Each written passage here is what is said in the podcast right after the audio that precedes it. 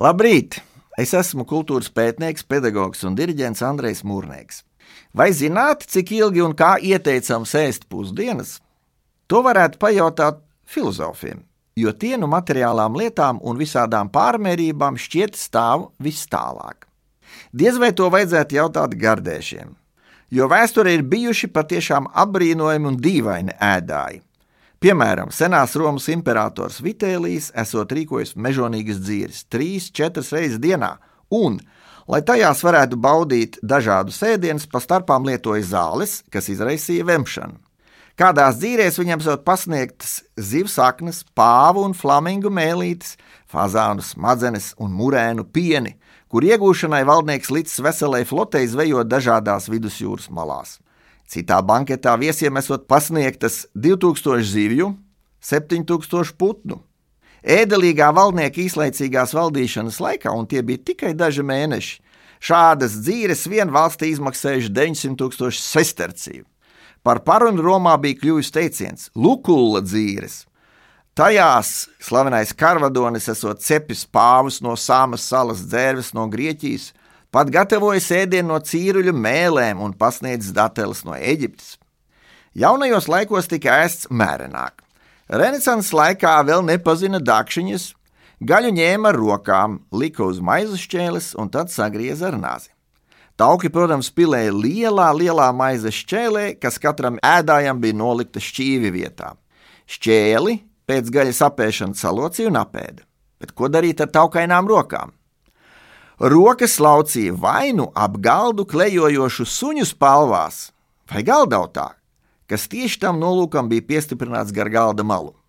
Tikai 17. gadsimtenī ieviesās izsmalcināta galda kultūra, īpaši Luija 14. saules karaļa valdīšanas laikā, ar īpašiem galda piedarumiem katram ēdienam, ar dakšiņu komplektiem, nazīšiem, salvetēm, trauciņiem roku mazgāšanai. Karalim patika ēst. Bet kā tad ar filozofu ēšanas paradumiem?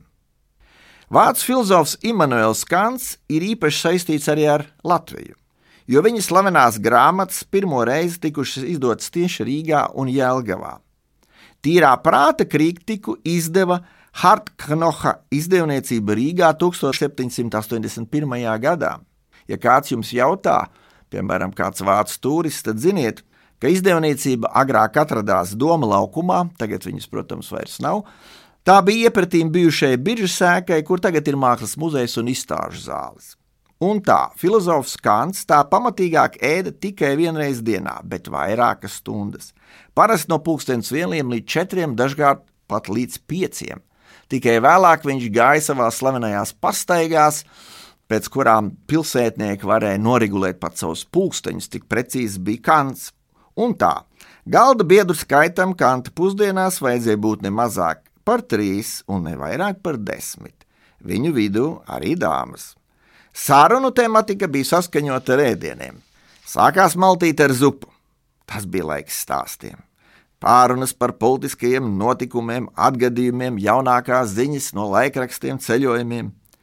Galveno ēdienu pavadīja arī diskusijas, spriešana, strīdi. Cilvēks ar atšķirīgu viedokli bija jāpieņem labvēlīgi, izrādot viņam cieņu. Ir jāpasniedz arī vīns. Kad vīns izdzerts, otrais apēsts un diskusija sasniegusi kulmināciju, protams, jāpasniedz desertu. Tas ir laiks jokiem, Šeit pieslēdzas arī dāmas. Visi demonstrē savu asprātību, kas sekmē ēdienu sagremošanu. Viss izrēķināts. Bauda no ēdieniem un sarunām, veselīgums un kārtība. Nu ko, labu apetīti, klausītāji!